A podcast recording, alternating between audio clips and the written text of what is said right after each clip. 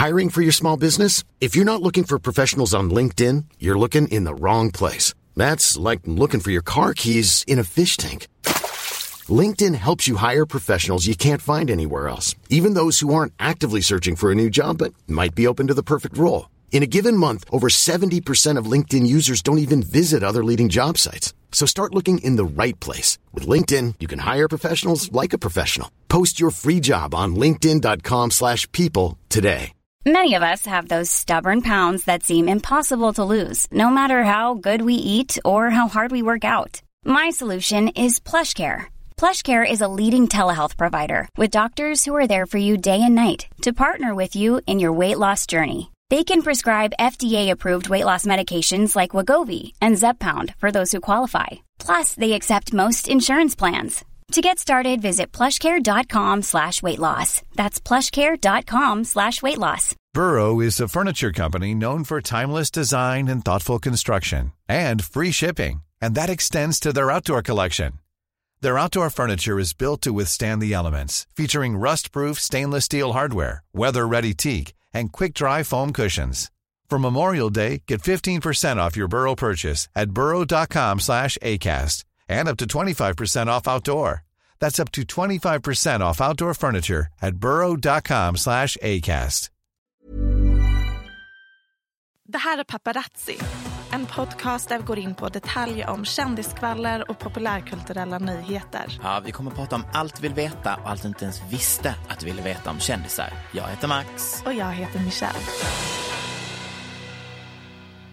Visste du att det är genom andning man går ner i vikt? Skojar du? Och då genom andning. Det är så fettet lämnar kroppen. Du andas ut fettet. Det här är det sjukaste jag någonsin hört i hela mitt liv. Jag vet, det är så sinnessjukt. När jag Som jag andas jätte- jättemycket, kommer jag förlora fett då? Nej, det är inte riktigt så det funkar. Utan liksom när du har bränt fett, alltså typ om du har haft calorie deficit eller du har rört på dig, bla bla bla. eh, Då lämnar liksom fettet kroppen genom andningen. Nu googlar jag det här, inte för att jag tror på dig, inte tror på dig, men för att det är Det har hänt innan att du googlar mina utsagor i den här podden. Ja, men det har också hänt Nio av innan tio att gånger det har jag inte- rätt. Skulle vi verkligen säga nio av tio? Eh, ja, Okej, Brit Awards, definitivt rätt. ja.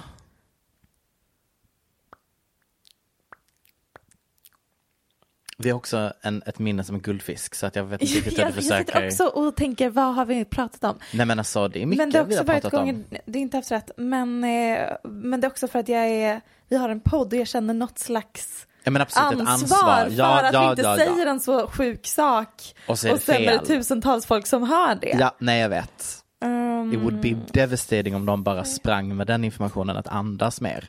Det, det är det jag menar, det är ändå en jättekonstig sak att sprida. Förlor fett andningar blir det en googling på nu.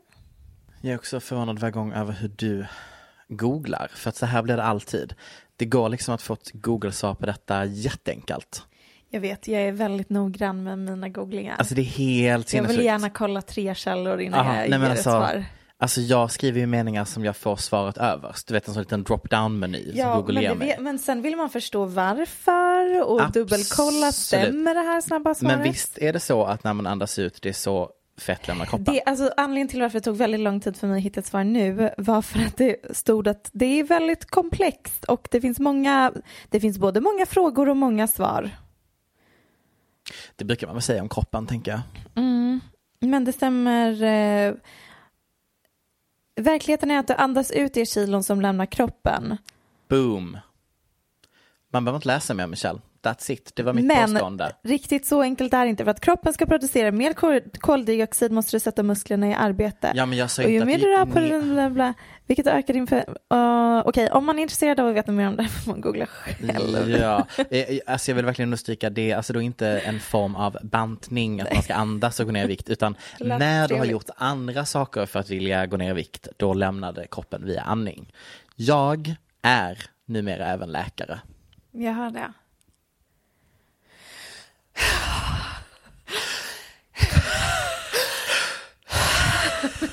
Kände du? Ett Det kilo bort. jag varje, varje poddavsnitt från Det var nu. du förra avsnittet.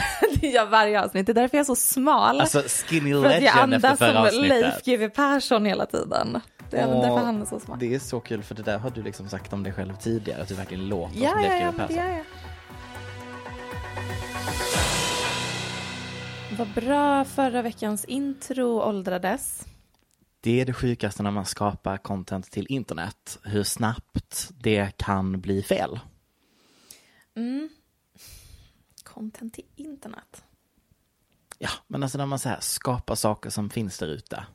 Just det. Så Eller kan du du ju- spelar in någonting som släpps eh, några dagar senare Ja, men- och under de dagarna så hinner det bli krig. Men, men precis, exakt det problemet ja.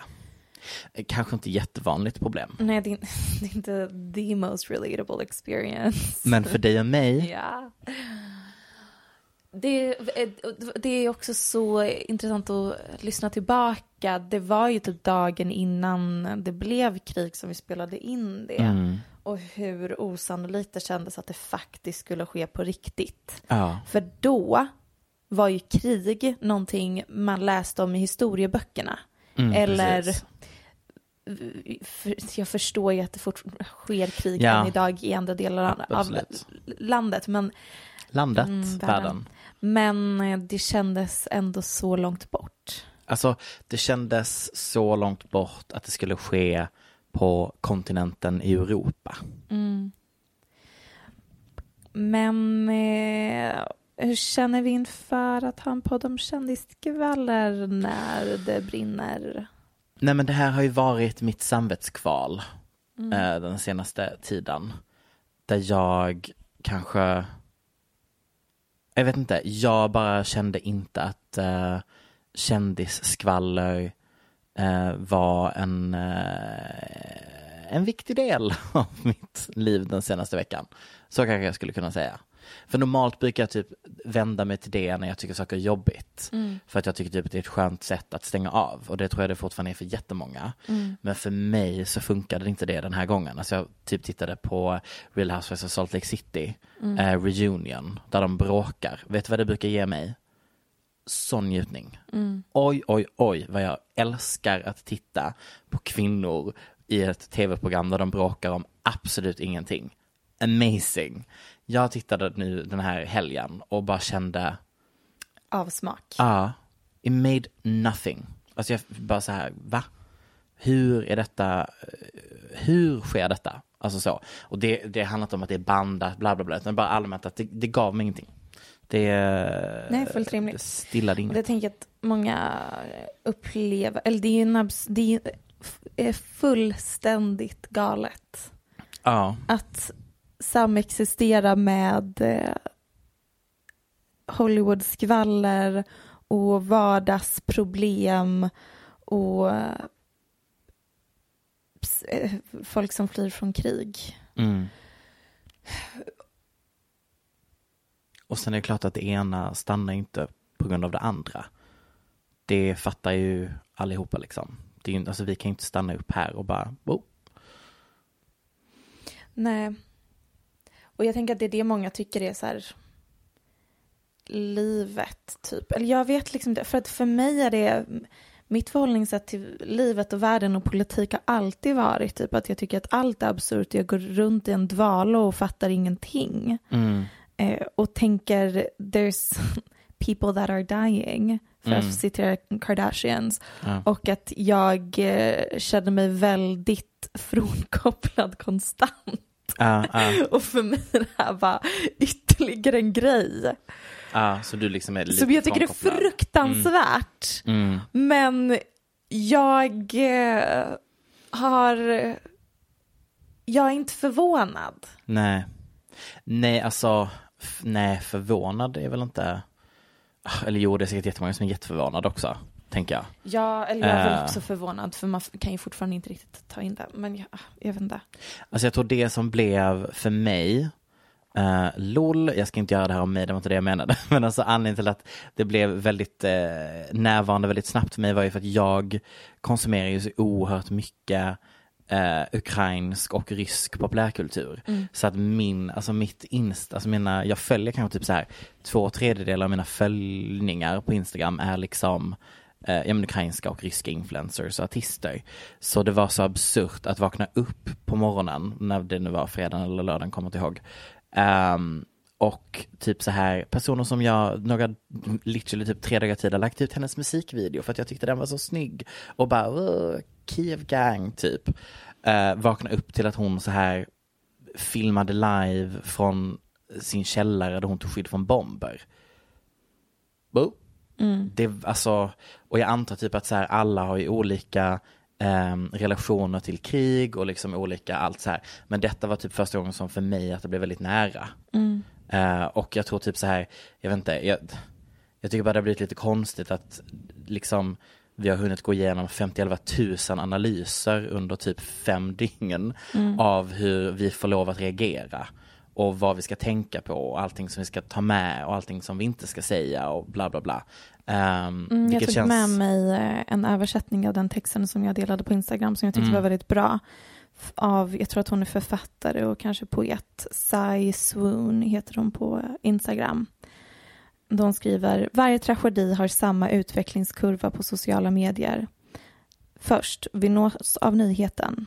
Två, vi uttrycker sorg och böner. Tre, någon slags kampanj sprids som är välvillig men börjar allt mer kännas som godhetssignalering. Alltså att uttrycka moraliska värderingar med huvudsakligt syfte att stärka den egna sociala ställningen inom en grupp. 4. Kritik riktas mot ovannämnda kampanj. Eh, att den är poänglös samt kritik riktad mot det som uttrycker sin sorg genom böner och kampanjer överlag. 5. Det rätta sättet att uttrycka sin sorg som en voyeur to a tragedy, alltså åskådare av en tragedi, blir aldrig definierat. 6.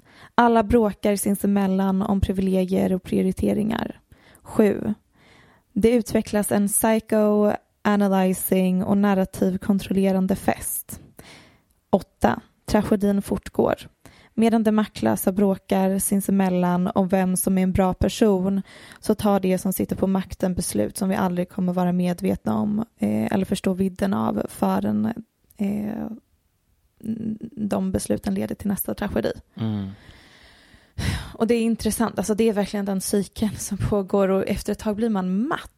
Ja, och det Av- kändes som att den kom, den blev väldigt uppenbar den här gången. Det gick Ja, väldigt jag snabbt. känner att typ med Black Lives Matter så var det exakt samma Mm. cykel och det den tar aldrig slut. Nej. Och även nu när det här kriget tar slut, vilket det, det kommer göra, eh, så um, nästa cykel Mm. exakt samma tragedi. Men jag, jag känner att jag ska inte prata om sånt här för att jag eh, blir så mörk.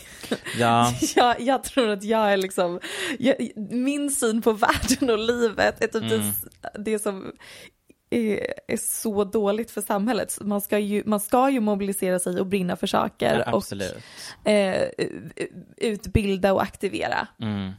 Ja men alltså jag vet inte, jag känner väl att det var, jag tog jag var ju absolut typ steg, vad blev jag då, steg fyra eller fem i det här. Uh, nej men när jag bara så lite lyfte att det kändes väldigt performativt med Swish-bidragssituationen som dök upp mitt alltihopa. Blandat med typ sponsrade inlägg och att man var ute och festade. Eh, och absolut, mestadels människor var så valid point, men absolut att folk också tog illa vid sig och bara så här, men vad tycker du att man ska göra istället då? Ja. Och då känner jag bara så här, men det, alltså det är inte det det handlar om. Du, kan- alltså du kan verkligen ha olika tankar samtidigt här. Och det jag bara menar på är att det känns nästan som att du behöver prata mer om och normalisera att känna en maktlöshet. Alltså du måste inte ha svar på hur du ska lösa alla problem på världsplanen när det händer någonting. Absolut att det är bra att skänka pengar och liksom allt det här och det hjälper jättemycket och fantastiskt att mobilisera och så. Men det blir bara så quick fixigt för mig. Att prata om maktlösheten, det tror jag inte är bra. Du tror inte det är bara att prata Nej. om maktlöshet? Nej, jag, Okej. tror, att, jag tror att det är bättre att eh, försöka mobilisera sig och eh, göra det lilla man kan och prata om vad som ligger till grund för problemet och hur vi tar oss vidare från det Ja, här. alltså jag tror bara att det blir liksom lite så här som att du har ett folk jag, jag sopsorterar så då kan jag fortfarande handla fast fashion. Alltså det är lite det jag menar så här, när någonting är väldigt stort och du har väldigt liksom egentligen en rätt stor maktlöshet så är det väldigt lätt att hitta de här små enkla grejerna. I detta fallet absolut jättebra att skänka pengar, det är inte det jag säger. Men jag bara menar att när det blir så väldigt många känslor och allting bara rann över för folk så känner jag bara så här välj en av dina grejer du fokuserar på den dagen. To me, I just thought it was weird. Att så här, se någon som är ute och super och sen så bara, oh by the way, här kommer min swish-påminnelse till kriget i Ukraina. Och sen så bara nästa bild är du ute och festar på klubben. I just find it a bit odd. I mean it is odd för att det är det som är samhället vi lever i det är det som är att vara människa. Men då Men måste man också kunna att man- kritisera det.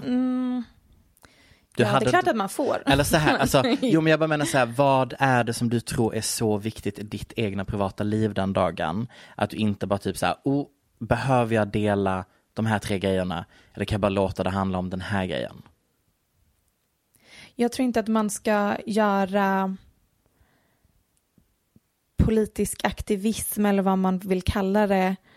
Instagram-aktivism tycker inte jag att man ska göra så svårtillgängligt för gemene man. Jag tycker att vi ska sänka ribban och uppmuntra att dela positiva budskap, att vara inkluderande och tillåta och säga Bianca Ingrosso, om du vill dela en infographic om vart gränserna eh, är öppna mellan Ukraina och grannländer, gör det.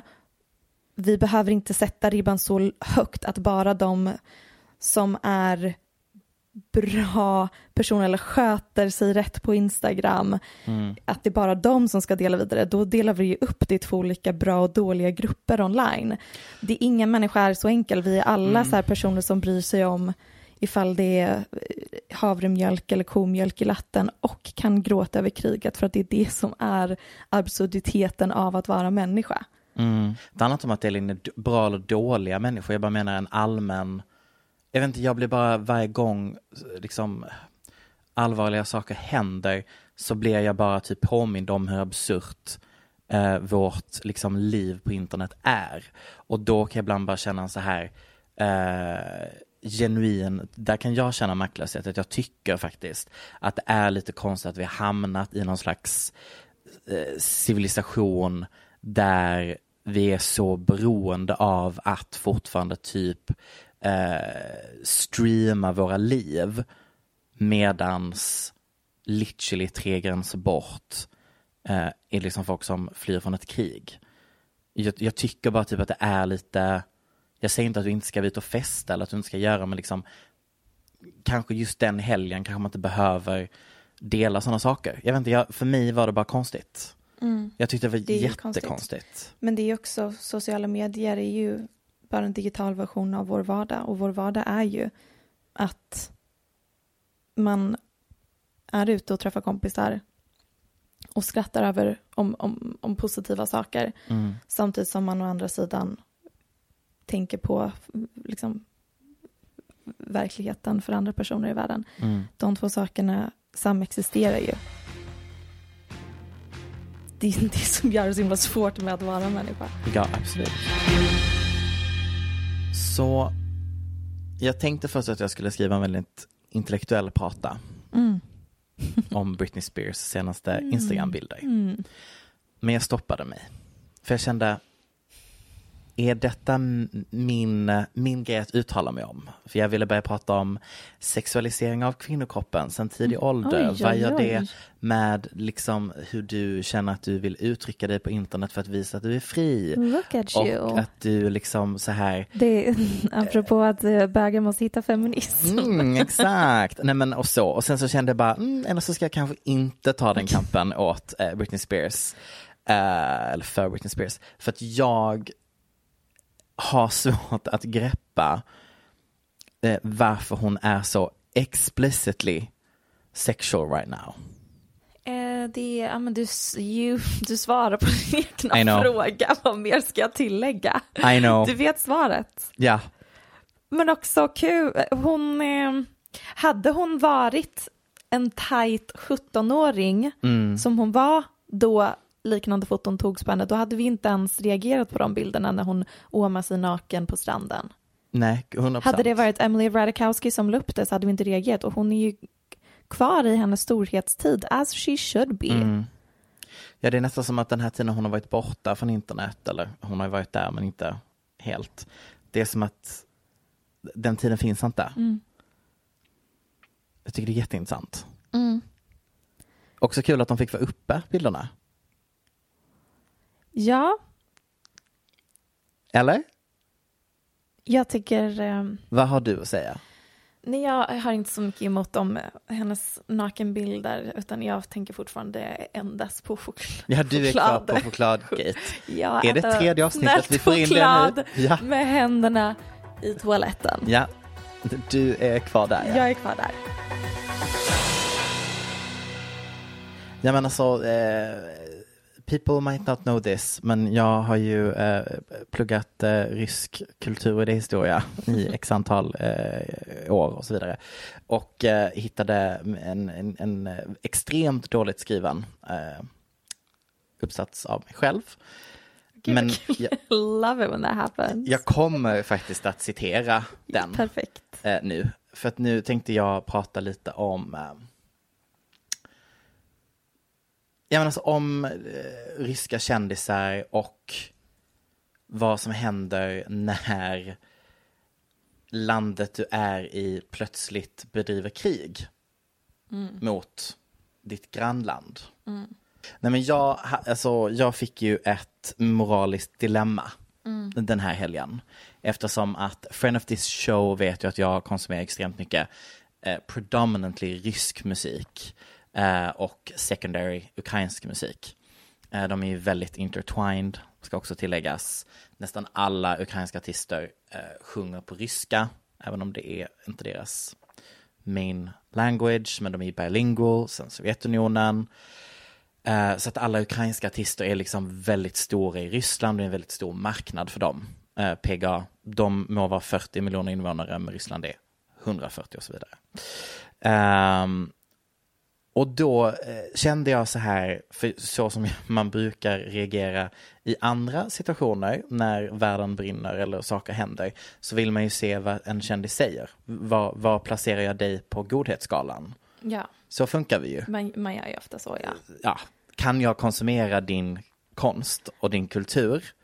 I mitt fall är det inte riktigt en fråga om ifall kan jag konsumera din konst eller kultur utan det är bara typ om du har bra åsikter så kommer jag tycka om dig ännu mer. Just det. Eh, ja, för då var jag så här, ska jag behöva rensa mina spellistor nu? Eller hur, hur, hur gör vi här? Det, det går ändå en viss gräns och den gränsen för, för mig går vid Chris Brown. Eh, absolut, jag tycker det är en väldigt bra moralisk gräns. Eh, Tack. Lite mer diffust om man ska börja döma någon baserat på om de har gjort ett uttalande mot en person som leder deras land, som också tekniskt sett kan arrestera dig samma sekund som du gör uttalandet. Den är svår. It's a tricky one. Så jag loggade in och började då följa eh, händelseutvecklingen bland dessa trevande influencers och kändisar. Och jag vill, som sagt, det här är löst utdrag här nu. Jag vet inte riktigt hur det här kommer att gå till. Jag kommer att klippa mycket Michelle, men du får bara hänga med helt enkelt. Jag Vi ser vad det blir. Jag har ett citat. Nej, det är inte ett citat. Men 1959 så säger en väldigt smart person som heter Martin Lipset att när en person nått en viss nivå av ekonomisk frihet så har den tid att fundera mer på lättsamma saker som är politisk frihet. Det är liksom inte det första folket går runt och tänker på när man kanske kämpar för att få mat på bordet. Nej, så är det. Så är det. Och eh, den här eh, fantastiska uppsatsen som jag skrev, som jag absolut aldrig kommer visa för någon, handlade helt enkelt om medelklass i Ryssland och vikten av att ha medelklass för att när du vill etablera en demokrati så är det jätteviktigt att ha en medelklass. För det är de som då, citat, har tid att tänka på politisk frihet, eh, du vet, utveckla landet framåt, bla bla bla.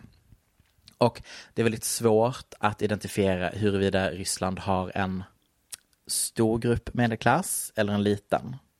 Eh, enligt deras egna statliga byrå så är det 14 procent av befolkningen som räknas som medelklass. Och vart går de gränserna? Eh, Den siffran är baserad på att minst en person i hushållet är anställd av ett företag som till sin storlek klassas som medel eller stor och med en disponibel inkomst som är två gånger minimilön som då också har betalat dina lån. Ja, det var en väldigt specifik. Väldigt specifik. Och du hade verkligen svaret på min fråga. Ja, varsågod. Eh, Jag bara googla och faktakolla.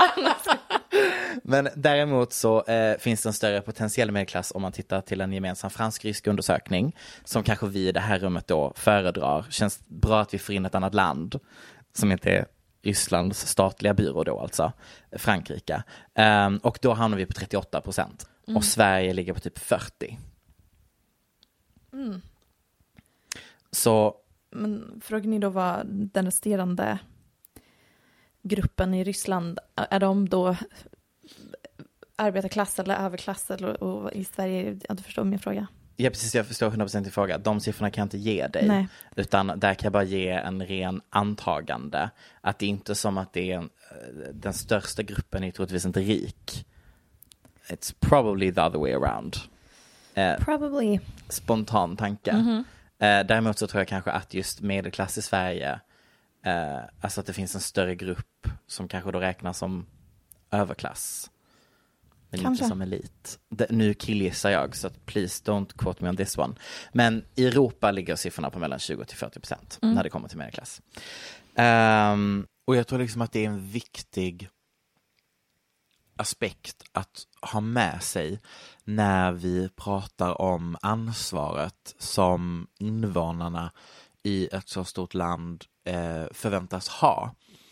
Att det är liksom en sån liten del av samhället som eh, enligt våra parametrar då är medelklass som egentligen överhuvudtaget har tid att liksom fundera på sånt här och på samma sätt de liksom kändisarna och influencers som jag konsumerar lever ju också egentligen i en extrem bubbla mm av vad det samhället egentligen är. Um, och samtidigt så tror jag också att det blir ett uttryck för vår extrema tro på individualismen. Men å andra sidan så är ju det exakt det här som har funkat i Ukraina. Och det är där jag tycker att hela den här grejen blir så oerhört intressant. För det är inte som att eh, Ukraina hade en bättre ekonomi och en starkare medelklass och alla de här olika eh, verktygen som man egentligen pratar om för att det ska bli en fungerande demokrati. Det fanns ju inte. Utan här snackar vi om liksom folk som ändå är så oerhört eh, drivna i sin tro på att vilja förändra landet. Mm. Så det blir lite så här, på en, å ena sidan så, så försöker jag på något sätt eh, förstå eh, varför man kanske inte kan kräva den här individualismen och liksom aktivismen eh, på rysk sida. Men samtidigt är det exakt det som har gjort att Ukraina har blivit av med inte en utan liksom två ryssvänliga presidenter och haft liksom literally fria val eh, den senaste, alltså efter sin independence. Men visst, ja, alltså det gör väl också någonting med ett folk när ens eh, kultur, språk, existens under en så lång tid har varit eh, förtryckt eller fått ske on the basis av någon annans välvilja. Eh, shoutout homosexuella. Um, jag tror det gör någonting med, med den här driv, eh, alltså kämpaglöden som kanske då inte landet som ändå på något sätt har varit den som har bedrivit den här eh, kontrollerande, förtryckande staten. Eh, dess invånare kanske inte riktigt drivs av samma, ja jag vet inte, svårt. Och då ska man också komma ihåg att internetanvändandet i Ryssland, för det är också så här det vi då lägger ihop med eh, freedom of speech och individualism. Det är liksom internet. Ehm, och där är det liksom bara så här, absolut att eh, Instagram har blivit en större del av internetkonsumtion. Men den står liksom ändå för kanske typ så här 30 procent av Rysslands invånare som nås eh, av Instagram. Och det ska man ju då eh, jämföra med Sverige där vi liksom ligger på plus 70 procent av våra invånare eh, nås av Instagram. Däremot så hänger en stor mängd, nästan 60 miljoner, på V-kontakt som liksom är den ryska motsvarigheten till Facebook. Och då tänker jag så här, det, det, intressanta i den liksom fördelningen är att om vi här pratar om att vi sitter i liksom våra egna små echo chambers på internet, där vi låt säga 70 procent uppkopplade och så sitter man i olika små. Här är det liksom två läger, du har liksom nästan en, en mm, halva invånarantalet i landet har inte eh, social media. Den halvan konsumerar liksom typ enkom tv och nyheter. Och när du då under flera år nu här har liksom format om den statliga eh, tvn till att bli allt mer kontrollerande och liksom propagandafylld så, så tror jag att man liksom det blir så svårt att ens tro att de tror något annat än att det som händer just nu är rätt. Det är liksom jättesvårt att, att, eh, att kräva något annat från deras håll. Och det, det, är det jag tycker är så, liksom, vad det gör med eh, samhällsstrukturen. Också liksom så lite att de här statliga tv-kanalerna ändå har kommit till på premisser av att Putin eh, och att Ryssland var ett fritt land. Det är också det som är, det är propaganda och det har alltid varit propaganda, det är absolut inte det jag säger. Men man måste ändå förstå att det, det är liksom inte som att den invånaren slår på Eh, kanal 1 och tänker ah, det här är samma typ av propaganda som jag utsattes för under Sovjetunionen. I deras värld så är det ju fortfarande eh, eh, liksom reglerad media. Mm. ja, jag vet inte. Det är liksom så galet. Och det är också inom den här reglerade vakuumet, eller vad man ska kalla det, som eh, både influencers och artister har behövt skapa sin kultur och det är väl där jag på något sätt har tyckt att det har varit så eh, liksom spännande att följa hur man trots det lyckas få in samtal om liksom, eh, ja men eh, kanske inte rakt av kritik mot Putin, men ändå så på något sätt belysa samhällsproblemen i landet. Um, och prata om, om hbtq-rättigheter och så, men på ett väldigt liksom inte uh, on the nose aktigt utan mer liksom inblandat eller vad man ska säga. Det är liksom inte en infographic utan de har eh, kanske genom sitt kreativa skapande lyckats visa I'm an ally eller jag eh, är emot regimen och så vidare och så vidare. Men det är ett arv som de har från eh, den socialistiska realismen som liksom är en, en epok inom all kultur i Ryssland. Det rörde alla konstformer som Stalin eh, lag, lag, lagstadgade helt enkelt. Eh, och det var så här, här är formalian. Eh, så här ska det vara. Eh, alltså inte eh, glory to the country utan mer det ska vara den här huvudrollskaraktären och den ska gå igenom de här två faserna av utmaning och det ska sluta i det här. Och sen skulle det gå igenom allt. Alltså konsten, teater, litteratur, sånger. Mm. Min dröm, mitt drömjobb, att få bestämma I mean, sådana lagar. Och sen bara alla skapar kultur baserat på min personliga åsikt. I mean honestly tickles my buds as well, so to say. Uh, men inom ramen av det så fanns det väldigt många som ändå lyckades uttrycka sig om sina egna personliga åsikter, men lyckades göra, ja men liksom, eh, vad heter det, synonymer, inte alls det jag menar, men du förstår vad jag menar. Analogier. Tack så väldigt mycket. Det är tur att jag har en smart människa bredvid mig. Och det är lite det som man då ser i den samtida kulturen. Men, that being said, så vill jag ändå se eh, aktiva ställningstagande i situationen som var nu. Och det fick man inte. Det var, eh, lägger ut en bild på moln och så skriver någon liten Alltså man fattade att det var det det handlade om, men det gick liksom inte att rakt ut säga nej. Sen marinerades det några dagar och så kom det någon, du vet så här, nej till krig. Ehm, Nej till krig, fast på ryska såg jag var en vanlig hashtag. Precis. Ehm, för det kunde ändå vara så här lite, då säger du inte att det är nej till kriget i Ukraina, utan nej till krig, I'm for peace.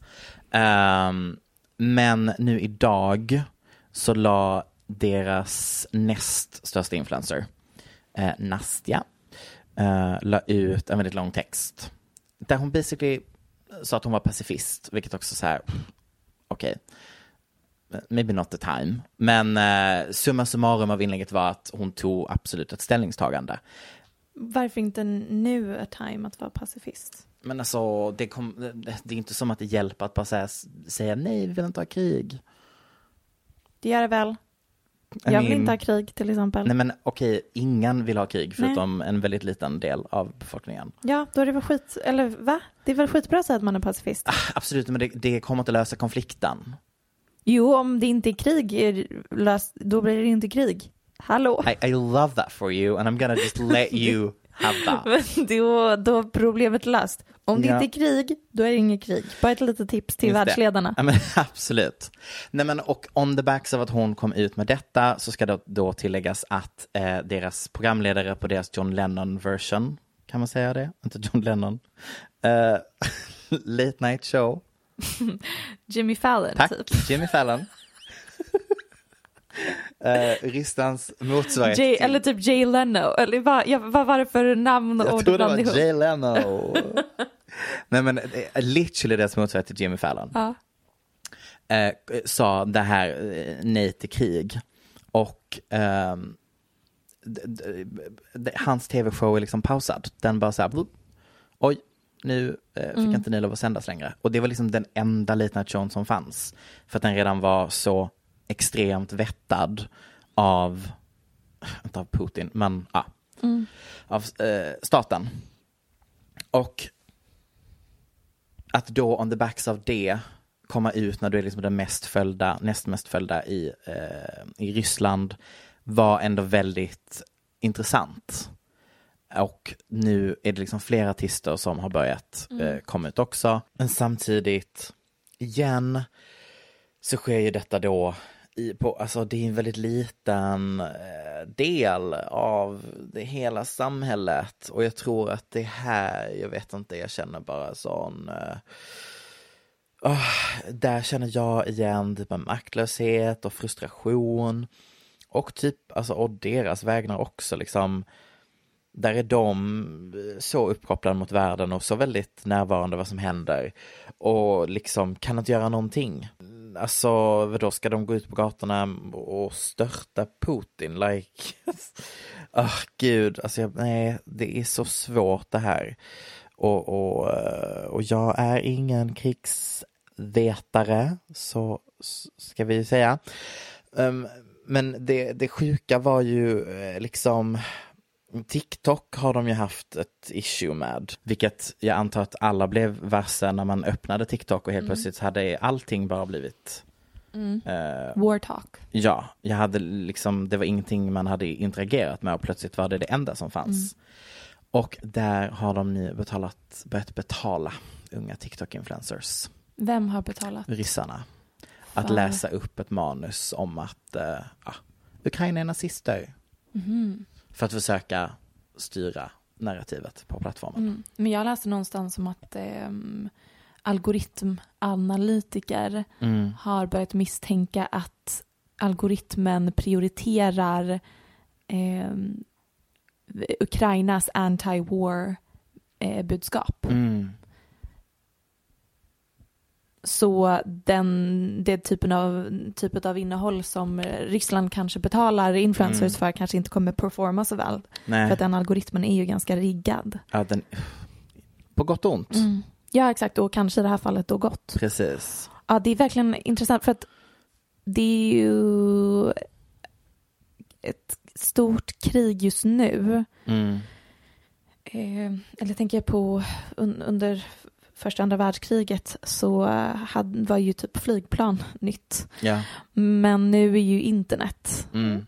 nytt och allting är ju digitaliserat så att precis som du säger det blir en infowar på ett sätt som vi inte sett innan. Nej men precis som du säger, det är ju en ny nivå av Infowars som vi liksom inte har kanske sett på samma sätt i realtid. Eftersom att det är två väldigt eh, tydliga liksom maktintressen som står emot varandra, som liksom kämpar om att få utrymme på de här plattformarna nu.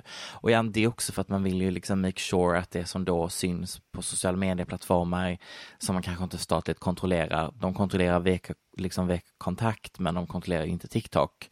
Att liksom budskapet ändå hänger ihop på något sätt med det som man liksom basunerar ut på de offentliga tv-kanalerna. Um, ehm, och jag tror bara det här är liksom en ny era av hur man ska kunna använda populärkultur och eh, sociala medieplattformar för att forma eh, liksom den allmänna uppfattningen av sin verklighet, basically. Och jag tror det är det som är min känsla att det blir nästan jag, jag, jag blir liksom påmind om eh, vår tilltro till individualismen och individen som stark i sina åsikter och möjligheter att påverka. Att egentligen är det fett jävla begränsat. To be honest.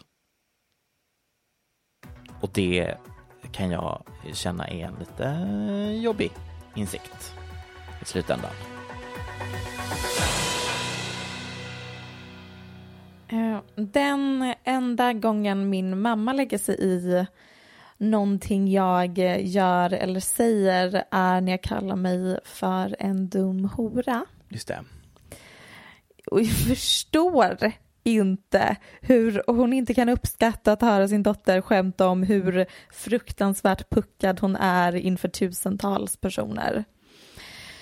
Som eh, svar när hon skrev det till mig häromveckan så skickade jag en Vice-artikel till henne eh, där, eh, som handlade om att girlboss feminism eh, är död, länge lever bimbon. Nu är det väldigt tyst när jag pratar, alltså mer tyst än det brukar vara. Mhm. Jag känner att vi kan vi inte bara ha norm, normal mängd? Mm. Jaha, nej så jag bara lyssnade. Jättebra, men ett, li- ett litet mm, eller liksom någon, nej? Ah. Tack. Eh, för även om vi inte kan förstå mm.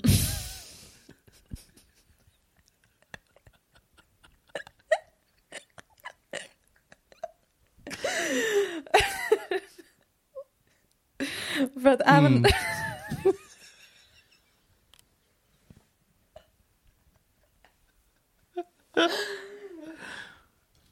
jag, kommer inte, jag kommer inte kunna säga något mer nu. nu ska jag försöka. För att även om jag kanske inte kan få henne att dela min förträffliga smak i humor. Just det, för det är humor vi pratar om. Ja, så precis det är uppenbarligen ett skämt. Jaha, du är inte en dum hora. Det är eh, upp till lyssnaren att avgöra. Så kanske jag i alla fall kan förstå, eh, få henne att förstå mitt otroliga skämts kontext. Mm. Mm. Girlboss feminism är ju då det vi är ständigt återkommande till i den här podden. Eh, liksom eh, who run the world, girls, feminism som eh, millennials växte upp med. Idén om att jämställdhet är uppnåeligt om vi bara hustlar för våra rättigheter och kräver den respekt vi förtjänar.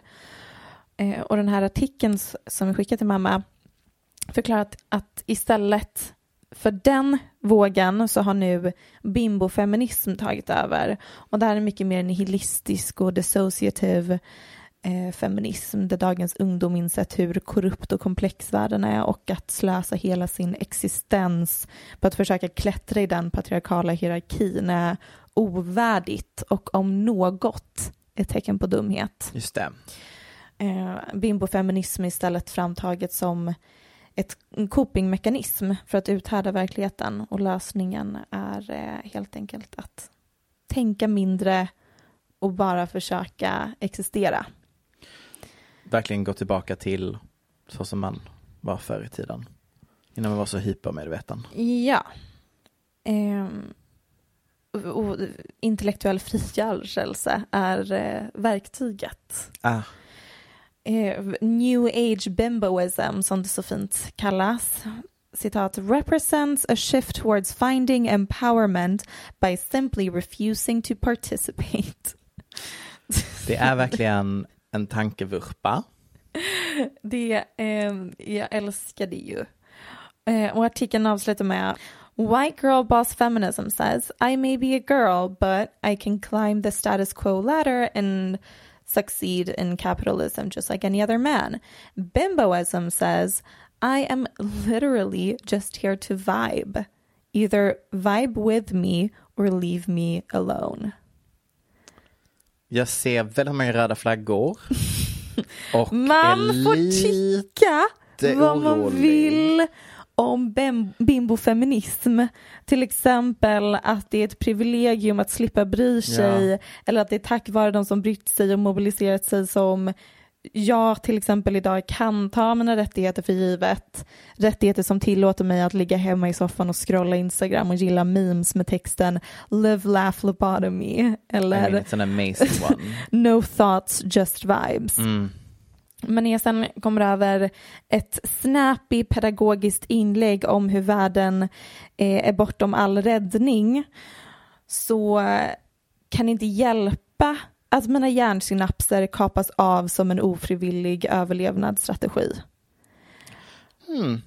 Och ehm, den här dissociativa livsfilosofin som börjar bli allt mer utbredd bland ungdomar på internet, idén om att uthärda samhället genom att bara försöka existera och att vi är literally just here to vibe tycker jag är märkbar i fler delar av vår kultur. Art Review beskriver samtidskonst till exempel som hissmusik i en artikel som heter How Contemporary Art Became a Vibe eh, där de menar att den konst som ställt ut på museum just nu inte vill utmana eller väcka tankar och känslor eller engagera pol- politisk debatt. Alltså verkligen ingenting. Nej, den vill bara skapa en ambians, en Ja. stämning, en vibe, a photo opportunity. I mean that is literally capitalism at its finest. So, I wouldn't say it's necessarily capitalism.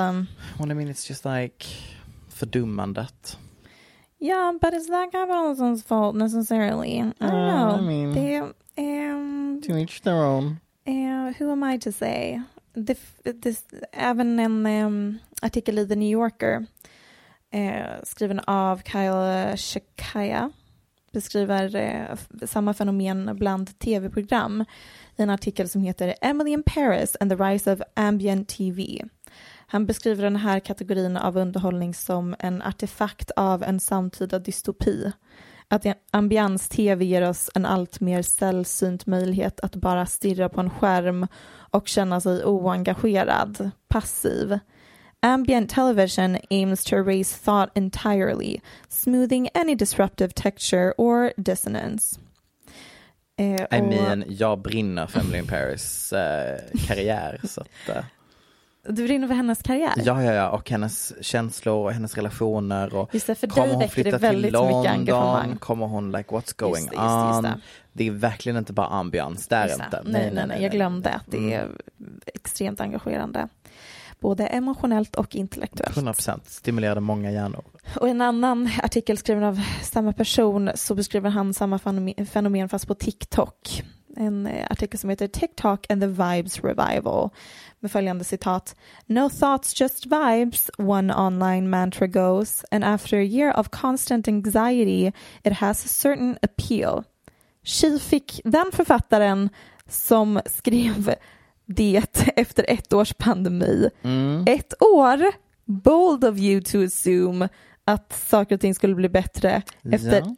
ett ynka års pandemi. Saknar. Saknar. Eh, och sen sist, men absolut inte minst, vill jag även ta upp musiken.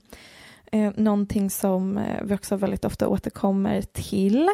Att låta gått från tre till fyra minuter långa verk till eh, korta snuttar. Mm. TikTok-anpassade soundbites. Och det här är eh, liksom säkert på grund av TikToks påverkan på musikindustri. Det är inte längre lönsamt att skapa fyra minuter långa kompositioner om bara 15 sekunder används på appen. Men när min favoritartist, the love of my life, Rosalia, släppte ännu en fucking två minuter lång låt i veckan. Chicken teriyaki? Chicken teriyaki, så kände jag, det här är inte längre bara en fråga om TikTok. Nej, Det här handlar om vibes. För Ja. vet du vad jag fick av den låten? Vibes. Vibes. Vet ni vad jag tycker att ni alla ska göra? Det är att gå tillbaka det här segmentet och sen så tycker jag att ni häller upp eh, lite vodka eh, och sen så shottar ni varje gång som Michelle har lyckats skohorna in ordet vibes. Skohorna Max, hela den här pratan handlar om vibes. I know. Eh, så jag är inte konstig att det handlar om det. Det, det är inte, jag är inte skohornat inte i och med att varje artikel handlar om vibes just nu. Ja. Det är det Nej kulturen men alltså har blivit. alla pratar om vibes. Eh, och när Rosalia släppte sitt genombrottsalbum eh, år 2018, Mm. det albumet var en, en, nej, nej, nej, raka motsatsen. Det var en berättelse. Mm. Varje låt var ett kapitel, literally, det hette kapitel 1, 2, 3 och så vidare. Eh, och, vi, och det handlade om en historia om en kvinna som frigjorde sig från en destruktiv relation med en man. Eh, där hon i sista kapitlet sjunger om att hon aldrig kommer låta en man bestämma över hennes öde någonsin igen. Väldigt emotionellt, verkligen väldigt emotionellt engagerande och jobbigt att lyssna på. Mm. Medan låten hon släppte häromdagen och låtarna hon har släppt den senaste tiden Chicken Teriyaki, som sagt, är en reggaeton-inspirerad TikTok-hit. En två minuter lång catchy eh, vibe. Mm. Smakprov, en estetik. Det är inte ett helt verk. Hon berättar Nej. inte en historia. Det engagerar ingen emotionellt. No thoughts. Just vibes. Här kommer eh, live-versionen av sista låten i Rosalias album 2018. Alltså Just thoughts, no vibes.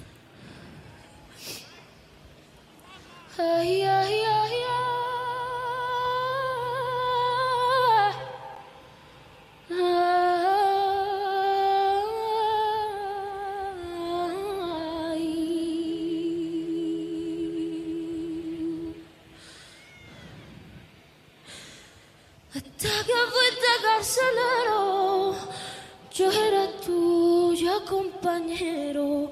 Hasta que fuiste carcelero.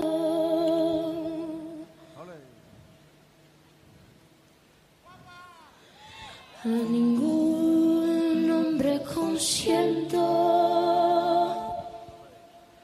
que dicte mi sentencia. Solo Dios puede juzgarme.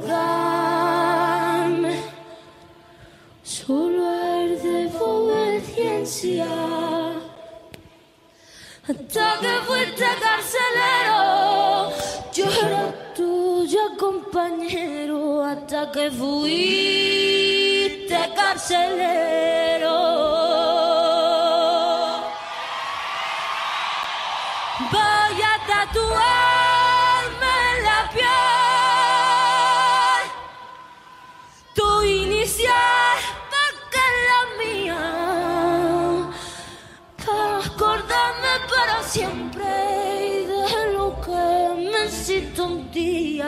De lo que me hiciste un día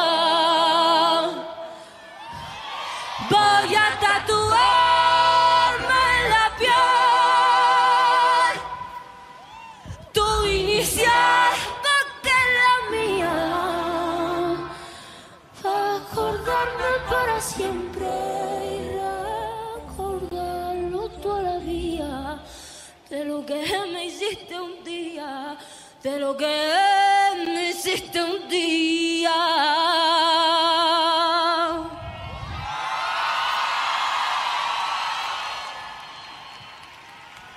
Har du sett att Kelly Clarkson ska byta namn? Nej, vad är hennes nya namn? Hon ska byta till Kelly Brienne. Because it more fully reflects who I am. Hon ska ju skilja sig. Men jag tror inte Mm. Clarkson är hennes exmans namn. Jag tror att Clarkson är hennes... Jag tänker väl också, hon hette ju det när hon vann Idol. Ja, precis. Back in the day. Hon ska också leda eh, amerikanska Eurovision. Just det, de ska börja med Eurovision. Mm.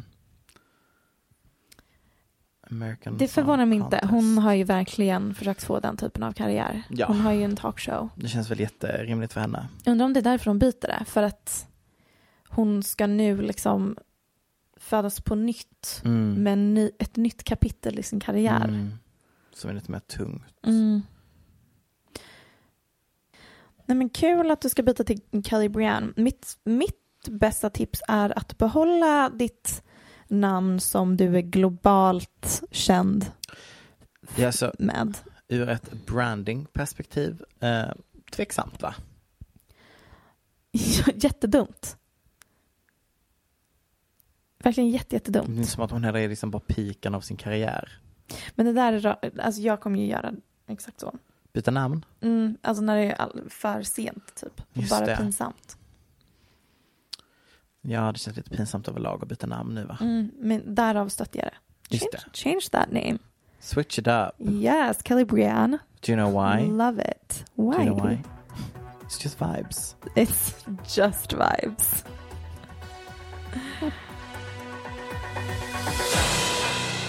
Och det var veckans avsnitt. Du, det var det. Och vi är tillbaka nästa vecka. Ja, förhoppningsvis med liksom lite mer bättre vibes då vi har landat i Mm, Allt. eh, vår eh, existens. Just det. Men... eh, Vet du vad jag hoppas på nej, till nästa vecka faktiskt? Fred. Eh, absolut, nu tänkte jag prata mer om mig själv. Om du inte har märkt att allting handlar om mig. Eh, jag hoppas att jag har hittat min inre uh, dumb bimbo. Ja, Faktiskt. just att du har stängt av hjärnan. Att jag måste stänga av hjärnan lite. Mm, Eh, för att jag känner att eh, jag är på den nivån att jag så nu är med i, alltså jag har laddat ner Telegram, vilket är typ så här, eh, typ som WhatsApp, Mm. fast eh, alla ryssar använder det. För att subscriba till typ två kanaler, för att vara eh, Mm. ajour. Gud. Och jag tror det är dags att Jag har gått med i en. Slack-grupp för eh, ukrainska flyktingar. Stark. För att, eh, in, alltså vad ska jag kunna hjälpa dem med? Men eh, det, nej, det ger mig så mycket ångest. Och så är jag med någon Facebookgrupp också. Mm. Ehm, så det är väldigt svårt att stänga av hjärnan när man också bryr sig till den grad att ehm, man känner sig så fruktansvärt ledsen över att det inte kan behöva bättre vibes hela tiden. Pacifisten Michelle. Eh, Exakt. Sluta kriga. Ni lyssnar på um, Aftonbladet på torsdagar och sen så kommer det till vanliga flödet tisdagen därpå. 100 procent. Du heter mentalt instabil på Instagram. Vilket again, every time it just, I know, I know. Men jag var, jag var 15 och edgy. Och Anyways. jag, när jag skaffade my Instagram handle så var jag nog goda 22. Ja, när du förstår. It's Britney bitch understreck understreck 69. Och så var det med det. Också nästa vecka vill jag prata om att Kanye West har skaffat sig en Kim Kardashian doppelganger. Snälla rara, det är det sjukaste som jag har skådat.